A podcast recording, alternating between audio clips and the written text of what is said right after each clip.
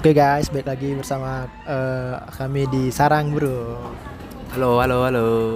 Oke, jadi kali ini eh, kami lagi berada di mana ya? Lagi nongkrong gitu lah guys. Lagi nongkrong ya, habis balik ngampus. Jadi daripada nggak ada kerjaan mending buat podcast. Ini kalau dinyanyikan ini persis kayak entah apa yang merasuki aja aja. Nggak ada nyambung. Oke, jadi episode ketujuh nih. Episode ketujuh kita bahas apa ya enaknya? Kita mau bahas tentang kehidupan mahasiswa dan mau jadi apa. Anjay. Intinya tuh eh, abis kuliah mau jadi apa gitu ya? Ya, mau jadi apa? Dari dari pandangan kita sama kita melihat dari pandangan orang kan. Eh, buat ini kan, buat biar pada tahu kami ini anak-anak ilkom ya kan, ilmu komunikasi. Ikom ya ilmu komunikasi. Kalau di Jawa tapi lebih spesifik lagi ada ya kalau di Jawa ya kayak di kafe gitu ya. Kalau di Jawa dia lebih nggak ke ke jurusan ya, lebih ke fakultas dia, fakultas ilmu komunikasi. Nah, jurusannya kayak perfilman, kayak eh, jurnalistik. Aduh sorry ya guys, agak bocor. Itu suara barista kita anjay. Iya gitu. Jadi kalau di Jawa dia lebih dibagi lagi. Tapi kalau di sini kami kan by the way di Riau ini ya. Kalau di Riau dia jadikan jurusan gitu. Gimana nih perlu kesah menjadi ikom nih gitu? Kalau aku ya, kita kan semester 3 nih sekarang kan. Kalau menurut aku sampai sekarang ini kayak belum ada dapat feel gitu loh. Feel dalam hal apa nih pelajarannya atau kehidupan lingkungannya atau apa? Ilmunya. Kadang mungkin masih bahas-bahas teori ya, belum ke belum ke praktik. Anak siapa itu nangis-nangis? Aduh, bising kali. Iya. eh, tapi kalau kau bilang gitu itu feel kau sendiri atau kau ada perbandingan dengan entah temanmu yang di luar sana yang ikom juga itu gimana? Nah itu eh, aku lebih kayak kalau misalnya kita liburan kan, kan balik ke kota masing-masing nih. Nah, orang itu cer- eh, bercerita di sana tuh Vkomnya lebih lebih aktif gitu, lebih kayak buat-buat film atau enggak buat-buat acara-acara TV gitu. Jadi lebih aktif gitu, lebih ke praktek lah pada teori. Ya, oh gitu. Berarti kalau intinya misalnya ditanya nih, kau menyesal nggak masuk ikom? Menyesal atau enggak nih? Ya kalau nyesel ya enggak lah.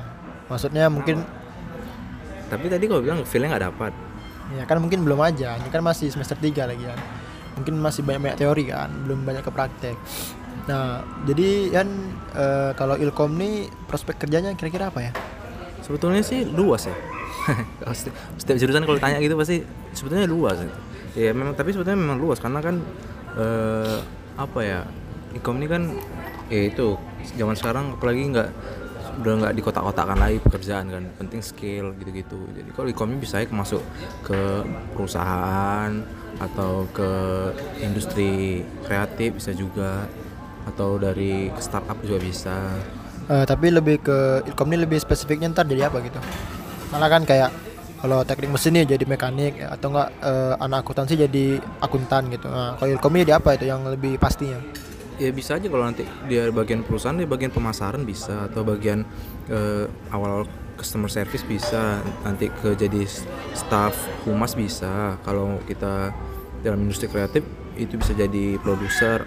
Kalau di apanya ya yang kelas tertingginya misalnya atau dari manajemen perkembangan eh, ya gitu itulah produksi perancang sutradara atau jurnalistik juga bisa broadcast gitu-gitu Nah, eh, kan kalau aku tadi kan aku bilang kayak belum dapat feelnya ya. Nah, kalau kau sendiri gimana nih? Menurut kau Ilkom ini passion kau nggak di situ? sebetulnya kalau ditanya passion nggak passion eh, lebih ke passion sih aku cuman gimana ya kalau aku sih bukan feel memang nggak dapat tapi aku kayak lebih ke memang menyadari gitu loh karena kalau di sini memang ya bukannya kita mau menjelekkan atau apa ya tapi memang mungkin taraf kualitas standarnya itu seperti gitu-gitu aja gitu kalau kita memang bandingkan dengan di Jawa sana ya kayak lebih ketinggalan gitu Oh iya, kalau emang dibandingkan karena kan di sana juga mungkin sana juga nggak jurusan fakultas kan. Mereka lebih kejuruan gitu. Kalau kita kan nanti mungkin semester 5 ya, baru kayak milih konsentrasi kan. Nah, kita apa ya nih itunya konsentrasinya? Kalau kita kan ada humas, ada manajemen komunikasi, ada jurnalistik. Nah, itu apa aja tuh? Coba jelasin dong. Kalau humas nih, ya itu lebih ke PR kan, lebih ke rancangan bagaimana dalam sebuah perusahaan lah internal dengan eksternal gitu gitulah kalau mekan apa manajemen komunikasi ini kita lebih ke memanajemen s- komunikasi baik penyampaian produksi sebuah hal atau ya artinya gitulah kita lebih merancang gitu kalau jurnalistik ya itu kita lebih berkaitan dengan pers berita dunia dunia penyiaran broadcast gitu Nah, kalau kau sendiri kira-kira mau ngambil apa? ah tunggu dulu nih Gil. Tadi sebelum situ kan kita kan bahas eh, apa tadi ya feel tadi ya? Ya, terus? Yang kita perbandingkan dengan Jawa tadi. Makanya terus terang eh, sebetulnya ya kita kita gini meskipun kita tahu tempat kita me- belajar lebih tanda kutip dalam tanda kutip lebih kurang daripada yang kawan-kawan kita di Jawa sana ya kita bisa menggali potensi diri kita sendiri gitu. Misalnya kita nggak kita kita nggak eh, apa setelah kita kuliah setelah kita di kelas kita bisa menggali potensi kita.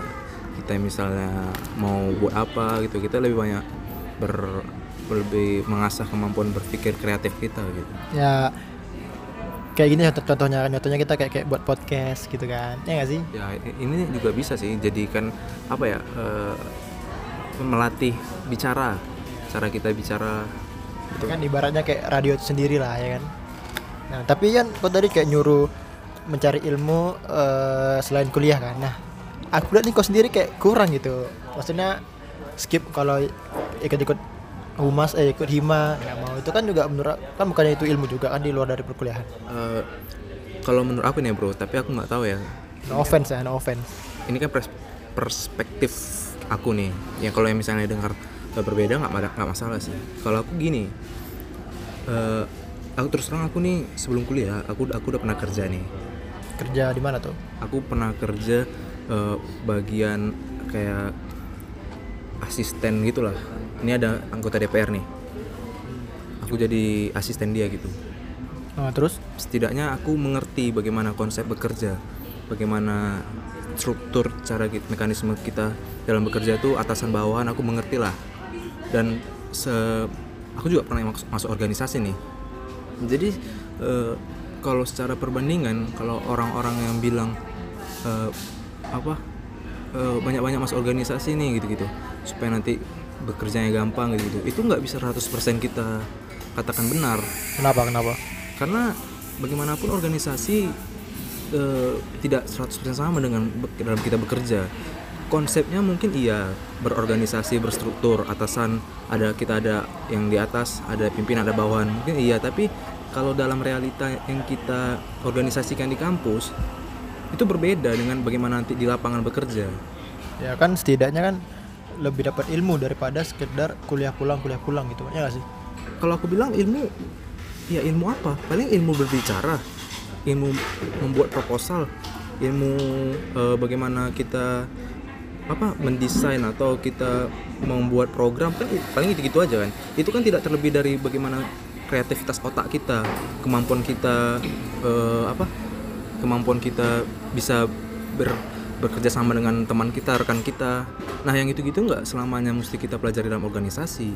Ya tapi tapi aku tidak sekali tidak menyalahkan orang yang berorganisasi ya sah sah aja gitu.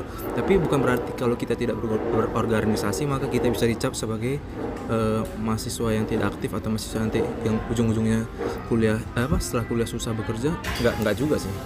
Ya karena mungkin eh, kita pribadi nggak ikut nggak ikut hima kan, tapi kita aktif gitu dalam kayak media media-media kreatif gitu ya kan. Kayak misalnya bikin-bikin video atau enggak bikin-bikin apa gitu kan ya. Emang hobi kita di situ. Jadi emang aku juga kalau dibilang eh, bukan males sih emang nggak passion aku aja di itu di ikut-ikut ke hima gitu. Jadi kayak mana ya aku tuh bukan tipe orang yang bisa disusuruh gitu loh. Maksudnya emang ya namanya orang-orang kreatif gitu kan. Jadi ya tapi mungkin kalau dalam prospek kerja pasti ada di situ kan. Berarti kayak ditekan kan deadline atau segala macam. Cuman mungkin belum nyaman aja aku. Nah itu dia. Satu yang yang kalau menurut aku sendiri aku tidak mau masuk organisasi. Karena ketika kita masuk organisasi kalau aku terus terang aku orangnya agak disiplin aja. Aku orangnya agak disiplin. Jadi eh, kalau kita bekerja dalam teman serekan ini istilahnya kita kan sama-sama belajar nih ya. Ya. Dalam kita sama-sama belajar ini pasti kita gimana ya? Kalau misalnya contoh lah. Kita eh, nanti besok pagi kita rapat jam 7 pagi nih gitu kan. Nanti ujung-ujungnya molor. Nah yang gitu-gitu tuh aku nggak bisa men- menoler menoleransi. Sedangkan kalau kita dalam bekerja itu mana mungkin kita gitu-gitu. Nah itu dia. Makanya tadi untuk apa gitu loh? Organisasi untuk apa? Terus misalnya orang yang ikut organisasi ketika dia berbicara di depan dosen atau apa masih betak-betak juga. Ya untuk apa organisasi gitu?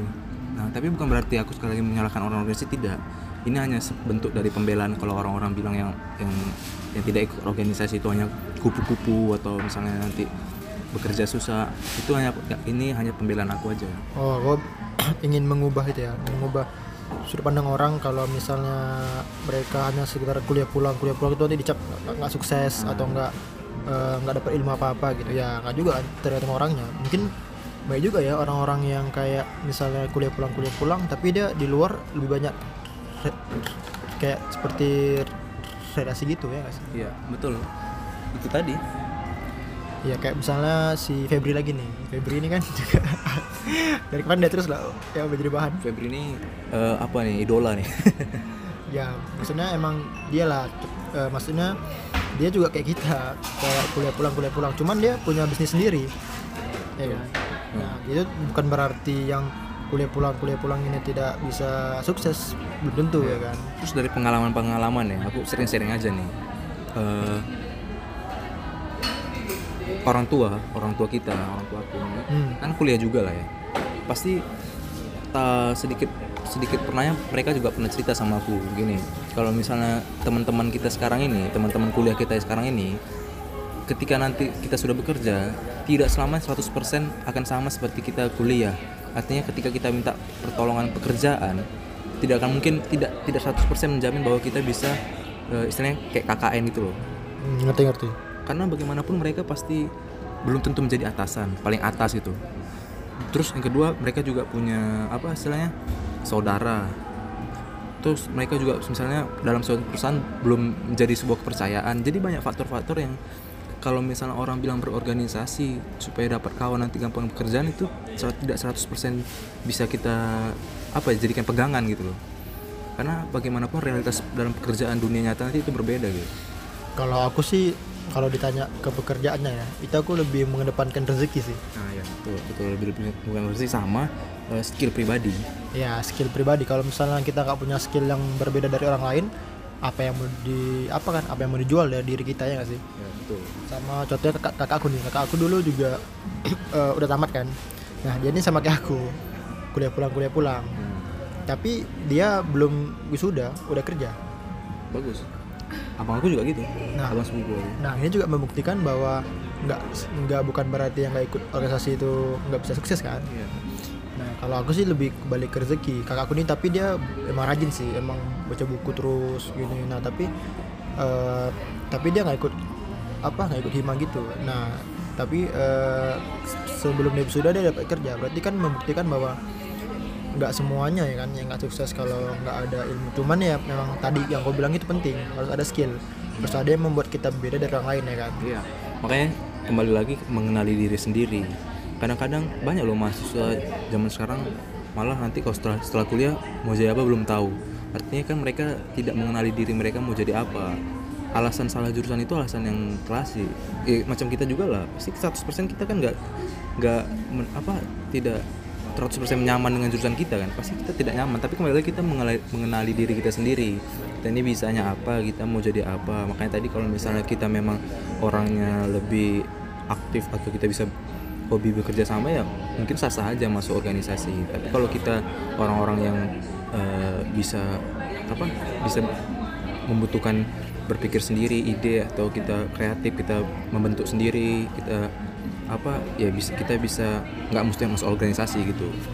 Tapi kan banyak yang bilang juga nih kayak misalnya ikut organisasi ataupun ikut segala macam itu untuk kita mencari diri.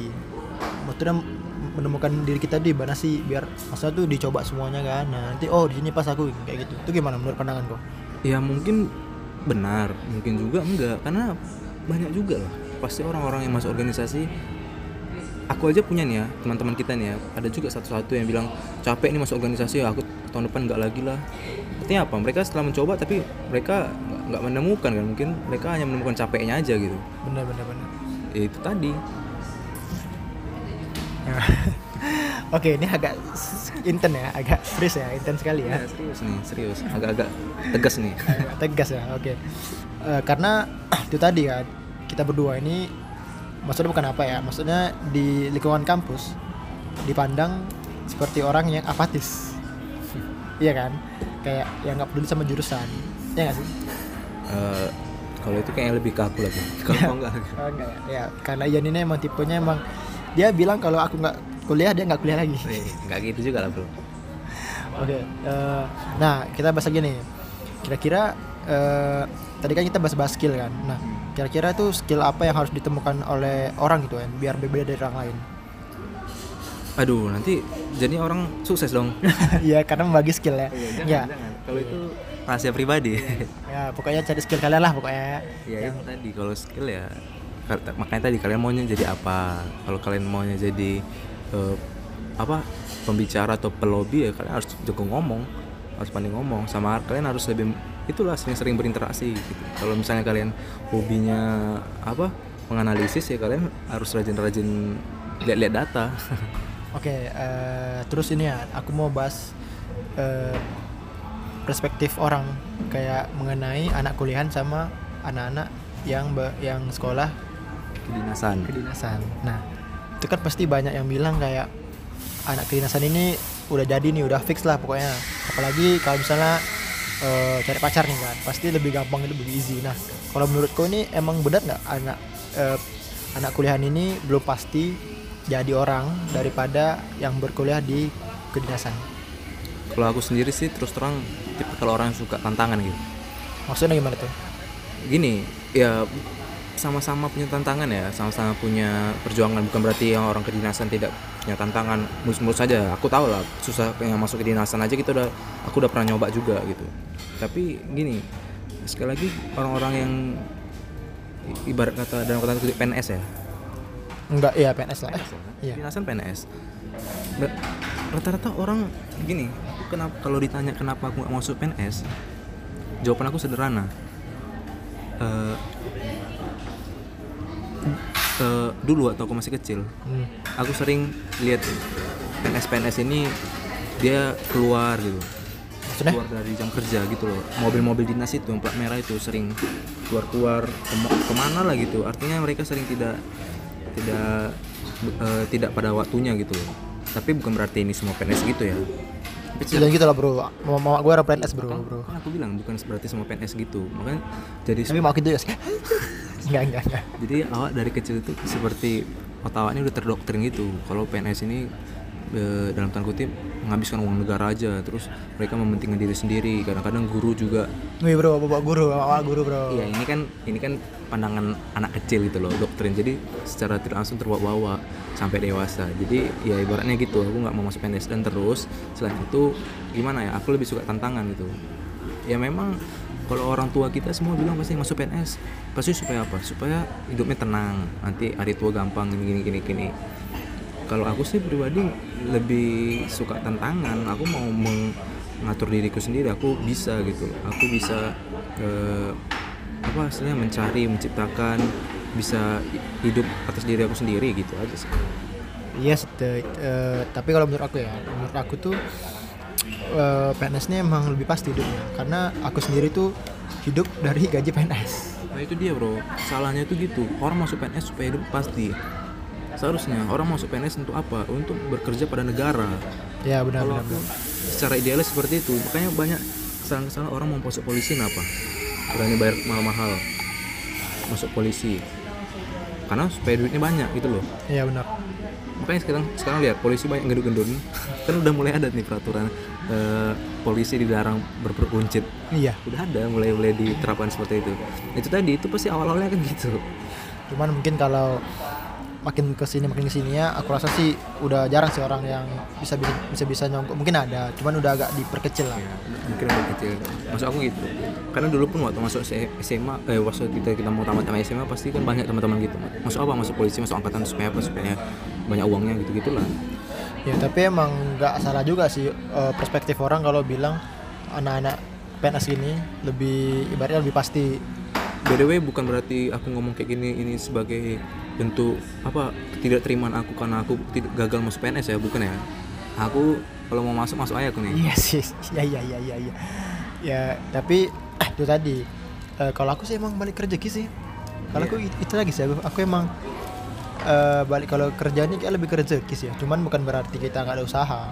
Cuman mungkin kalau dibilang pasti ya lebih pasti pen- eh, anak-anak kedinasan. Kenapa? Karena mereka tamat tuh langsung direkrut kerja gitu kan. Langsung di jadi PNS nih PNS nah sedangkan kita tamat jadi sarjana harus cari kerja lagi. Nah tapi kalau emang udah rezeki ya itu cuman ini ada lagi satu lagi. Kata orang tua aku ya kalau mau jadi hidup tenang PNS tapi kalau mau ikut hidup kaya jadi anak kuliahan. Maksudnya hidup kaya itu kan karena bisa jadi pengusaha bisa jadi bisnismen nah itu pasti kaya kan. Nah kalau PNS nih kaya tuh nggak bisa. Cuman tenang kecuali kayanya yang ngambil ngambil duit duit, rakyat itu pasti kaya kan. Kata orang tua aku sih PNS itu paling gajinya berapa lah? Paling cu- cukup makan buat cukup cukup cukup ya kan. Cuman cukup cukup beli rumah cukup beli mobil dua cukup cukup lah sama bro enggak itu kalau cukup misalnya jalan-jalan ke negeri. Itu kalau misalnya dia main main-main gitu. Tapi kalau misalnya dia emang nggak ada makan dari dari sana ya emang pasti ya nggak terlalu kaya lah. Kalau dibandingkan dengan bisnismen atau nggak pengusaha lebih lebih kaya pengusaha harusnya. Makanya itu aku lebih berpikir eh, aku tidak bukan berarti aku tidak bekerja untuk negara aku tidak bisa membantu negara gitu loh. Aku bisa membantu negara dengan meningkatkan investasi misalnya. Gitu gitu lah. Oke. terus balik lagi ke mau jadi apa? Nah kalau kau sendiri nih kira-kira tamat kuliah mau jadi apa? Eh, tunggu dulu bro. Tadi masih bahas bahas bahas, bahas kedinasan nih bahas PNS nih. Pernah nggak Terus? jumpa perempuan yang dia lebih kayak ngincarnya nih ada kedinasan atau ngincar seragam ngincar ngincar angkatan gitu. Kau pernah nggak jumpa gitu? Sering-sering sering. Sering nggak ya? itu perasaanmu gimana? Pesan aku kalau aku pribadi ya nggak salah sih. Kalau aku ya karena perempuan itu emang harus materi bro. Astagfirullah. Salah bro. Nggak boleh bro. Enggak, ini kan dari perspektif aku. Emang harus matre kenapa harus matre karena ya emang kalau nggak matre ntar dia mau hidup dari mana? Tapi bukan berarti muluk-muluk cari PNS PNS PNS ya nggak gitu cuman ya kalau memang kan pasti gini kan pasti kok sering lihat eh, cowoknya akpol nih akpol kan itu cewek cakep kan padahal muka cowoknya B aja Iya, sering kan makanya aku buat tagar gini save wanita-wanita cantik yang cowok yang jelek Astaga. Tapi menurut aku sih ya nggak ya nggak masalah sih. Cuman yang kacaunya ini yang nggak boleh itu dia meninggalkan pacar lamanya gara-gara PNS itu nggak boleh. Ini pengalaman atau gimana nih? Nggak bro, nggak bro, nggak bro, nggak bro. Cuman gitulah. Kalau eh, kalau menurut kau gimana nih? Kadang aku juga sering itu kan ketemu di mall nih. Kan kalau misalnya anak-anak kedinasan ini kan kalau ke mall harus pakai baju baju kedinasan kan, nggak boleh lepas tuh.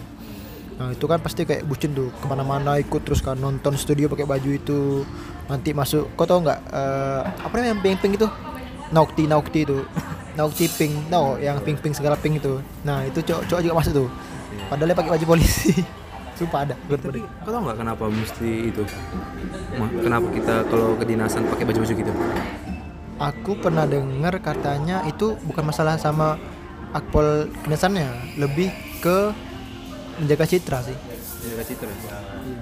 Yes, iya aku juga pernah dengar gitu. Cuman eh, itu tadi jadi kayak masa kita masuk gitu pakai baju kedinasan apanya? Apa, apa apa yang mau di apa citra apa yang mau dijaga? Ya nggak tahu sih citra tapi bentuk badan gitu. Tapi k- aku pernah denger nih pokoknya dia lima langkah dari rumah Hmm. itu harus pakai baju seragam. Kalau misalnya ketahuan sama seniornya udah habis. Kena makan sama seniornya. Nah kan kau dulu kan pernah berkuliah di teknik kan? Ya nggak sih? Ya kenapa? Nah itu pasti ada juga kan senioritas ya kan? Ya senioritas ya ada lah nah eh, kalau anak-anak kedinasan ini kan lebih ke senioritas kan? Iya. Nah, tapi ya betul senioritas. Ya pastilah. Karena kata teman aku tuh mereka nih eh, pokoknya itu pasti senioritas lah. Misalnya anak Kepri nih pasti sesama anak Kepri pun ada anak senioritas. Tapi beda bro kalau senioritas di kedinasan ini le- lebih bentuk senioritas ko- kehormatan dan keseganan. Emang kalau di teknik gimana? Nah, ini sih. Nggak nggak. Mesti teknik kuliahan kebanyakan kuliahan ah. pasti senioritasnya karena senioritas eh, senioritas lebih tua. Oh gitu. Selain itu nggak ada yang nggak ada yang bisa dihargai. Kadang-kadang makanya senior senior kan juga sering-sering ospek ospek gitu gitu kan karena apa coba? Karena nggak ada yang bisa dihargai pada diri mereka selain dalam ajang itu ospek atau dalam ajang kesenioritasan itu oh gitu. Oke. coba eh, tiba-tiba kalau mereka bisa berprestasi atau mereka bagus lah nih pasti otomatis disegani juga lah kan. Ya ya udah apa mesti minta-minta disegani? Nah itu kalau udah perkuliahan gitu sih kebanyakan ya nggak semuanya. Jadi eh, pandangan eh kan tadi belum selesai nih kita bahas tentang eh, apa tadi cewek-cewek gitu yang memilih lebih kedinasan daripada anak perkuliahan. Nah, menurut kau gimana? kalau menurut aku sih ya aku nggak Kan aku tadi bilangnya wajar karena cewek harus matre. Nah, kalau menurut kau gimana? aku nggak gubris aja udah lah ya udah. Maksudnya? kalau misalnya ada perempuan teman aku lagi nih teman aku eh, ge- dia ibarat kata kegilaan dengan seragam gitu ya, kegilaan dengan orang-orang yang polisi atau gitu ya aku udah bisa aja mengerti oh berarti kau tipikal orang seperti itu nah, gitu aja kalau aku cukup gitu aja bukan berarti aku menjauhi juga bukan enggak gitu aja aku lebih ya kau tau lah aku Oke, jadi ya udah kan selesai nih bahas masalah pandangan berarti eh, tadi kita bahasnya berarti nggak salah kan orang menilai eh, anak-anak kedinasan ini lebih bakal jadi daripada anak kuliahan. ya nggak salah sih nggak masalah Tapi balik rezeki lagi kalau aku. ya Nah, udah kita selesai itu kita bahas. eh, nah, kira-kira kau nih setelah kuliah mau jadi apa ini kira-kira? kalau aku sih ya itu tadi pasti kita bekerja dulu Iya pasti bekerja lah. Maksudnya bekerja tuh pinginnya kau mau jadi apa gitu? Kayak jadi jurnal kah? Atau mau jadi presenter kah? Jadi broadcasting? tapi sekarang kita kebanyakan mahasiswa pengen jadi ini pengen jadi ini tapi nanti pas udah saatnya udah waktunya kita pasti apa pun dap apa pun mau apa pun mau gitu gitu lah kalau aku sih gitu nggak nggak nggak menutup kemungkinan aku rezeki aja gitu kalau dari orang tua aku orang tua aku ini suruhnya humas kerja di kantoran gitu gitu aku lebih tertarik itu sih jadi produksi gitu tapi kalau misalnya ayah tergantung rezeki aja. Sama sih, aku memang balik kerja lagi. Cuman kalau misalnya disuruh milih, aku tuh pengen kayak bekerja di industri gitu, industri perfilman gitu loh. Kayak jadi entah broadcasting atau enggak jadi pokoknya kru-kru gitulah. Kan enak tuh kan kayak kru-kru. Sekarang kita buat film di ini nih di Lombok asli ke Lombok gitu kan. Kalau itu aku juga lah, aku udah pasti pengen jadi director lah, sutradara. karena tapi kalau di Kilkom kita ini mungkin belum begitu apa ya. Maksudnya dibandingkan Jawa tadi kan mereka lebih kayak fokus gitu perfilman tuh emang ada semua alat-alatnya dari ini segala macam ya kan? Di kafe lah, di kafe eh, apa? Universitas Nusantara. kalau Itu DK kan gila-gila banget tuh. kalau DKV kan lebih ke desain. Ya enggak juga gila. Orang-orang tuh desain desain di kafe ini kan lebih ke seni, dia sarjananya sarjana seni tuh. oh seni? Dia bukan desain komunikasi visual. Iya, tapi kan dalam dengan oh iya visual ya? Visual kan. Dia sarjananya sarjana seni, malah orang-orang tuh lebih lebih teknisnya lebih woi kalau soal light dalam pembuatan film lighting bagaimana apa kom- komposisi apa frame itu jago-jago semua lah paten-paten semua. kalau gitu mending kau batam aja kemarin ada di, kakak aku nih kan jadi sekretaris rektor kan nah dia punya itu tuh jurusan DKV Maksudnya? Sumpah. Dia punya baru buka nih univ di Batam. Nama ITBA. Institut Teknologi Batam. Itu bawahnya ITB. Sumpah bohong aku nih. Jadi rektornya itu kok jadi kok jadi apa nih jadi jadi mempromosikan Kampus orang ya? kampus orang enggak, tapi benar dia di bawah bawah ITB. Rektornya tuh anak rektornya dosen ITB. Nah, akhirnya sekretarisnya. Nah, di situ dia buka jurusan DKV. Itu rame tuh di Batam. Hmm. Ya, tapi nggak masalah sih. Kembali lagi kita meskipun nggak kuliah di tempat yang seperti itu, ya kita bisa mengoptimalkan apa yang kita punya aja. Ya, jadi mungkin eh, saran lah buat temen-temen mungkin yang merasa eh, perkuliahan ini mungkin gak mau jadi apa-apa gitu. Kok harus kasih motivasi, motivasi biar mereka mikir kuliah itu nggak sekedar eh, seru-seruan aja gitu. Bro, kalau kasih motivasi aku juga butuh motivasi bro. aku juga, aku juga mikir untuk apalah kuliah nih, nggak jelas. Mending awak kerja ya langsung bisa jadi ya paling tidak dari bawahan kita meranjak meranjak meranjak gitu. Ini Iya. kelamaan gitu. Di sini nggak jelas pasti. Ya, jadi kita buat apa podcast ini kalau nggak ada? Maksudnya eh, mungkin kalau aku ya pribadi kuliah tapi sambil eh, buat-buat sesuatu yang bermanfaat gitu kayak bekerja eh, maksudnya nggak kerja bukan kerja berat ya maksudnya kayak apa lagi tuh buat Masa aja kan. Kayak Ah. kalau misalnya kau ini videographer, kalau kan pengennya jadi director of photography nih, berarti kan sering-sering ya sering-sering kamera lah, ngasah-ngasah kemampuan gitu-gitu kan. ya kayak gitulah jadi juga dapat ilmu juga kan kalau kalau sekedar di teori doang susah sih mau berkembang gitu Kalau misalnya apa kayak hobi broadcast ya sering-sering apalah cari-cari teman yang kerja di penyiaran biar dia bisa diundang bicara-bicara mulai-mulai gitu. Atau pengen broadcast bilang aja ke kita. Kita undang nanti kita podcast kan sambil belajar ya kan. Aku kemarin ada episode ke-6 aku ada ngundang teman aku. Siapa? ada uh, anak UIR ada Patam juga. Mantap tuh kami bahas-bahas tentang dia nih tipe orang yang hidupnya tuh dikekang orang tua. Bener-bener dikekang bro. Cewek. cowok balik jam 9 jam 8 terus di rumah. Sumpah asik tuh nanti dengar. Oke lah ini segini aja kali ya udah atau ada yang mau dibahas lagi Ah, apa ya? Ya ya udahlah segini lah. tahu ya intinya anak kuliah tuh ya dinikmat, dinikmati aja lah ya Oh, kalau aku sih lebih penting cepat tamat aja. tamat ya karena untuk untuk apa lama lama-lama kuliah mending kita udah udah kita menghabiskan waktu kita kuliah kita nggak bisa ngapa-ngapain mending kita cepat tamat kuliah aja kita bisa langsung kerja cari pengalaman gitu gitu karena bagaimanapun zaman sekarang kan orang banyak mentingkan pengalaman. Dibutuhkan bag- eh, ini bagian ini bla bla bla bla. Eh, minimal pengalaman ditambahkan yang berpengalaman minimal satu tahun atau berapa tahun gitu. Itu tadi pengalaman. Tapi banyak yang bilang bro jangan tamat eh, cepat-cepat tapi tamat di waktu yang tepat. Asik. Bullshit tuh bro bullshit. Itu supaya jangan malu aja deh bro. Oke oke baiklah. Mungkin sekian aja ya dari kita ya. Iya sekian aja. Oke, sekian kawan-kawan. Sampai jumpa di episode selanjutnya. Dadah. Jangan lupa di share bro Okay.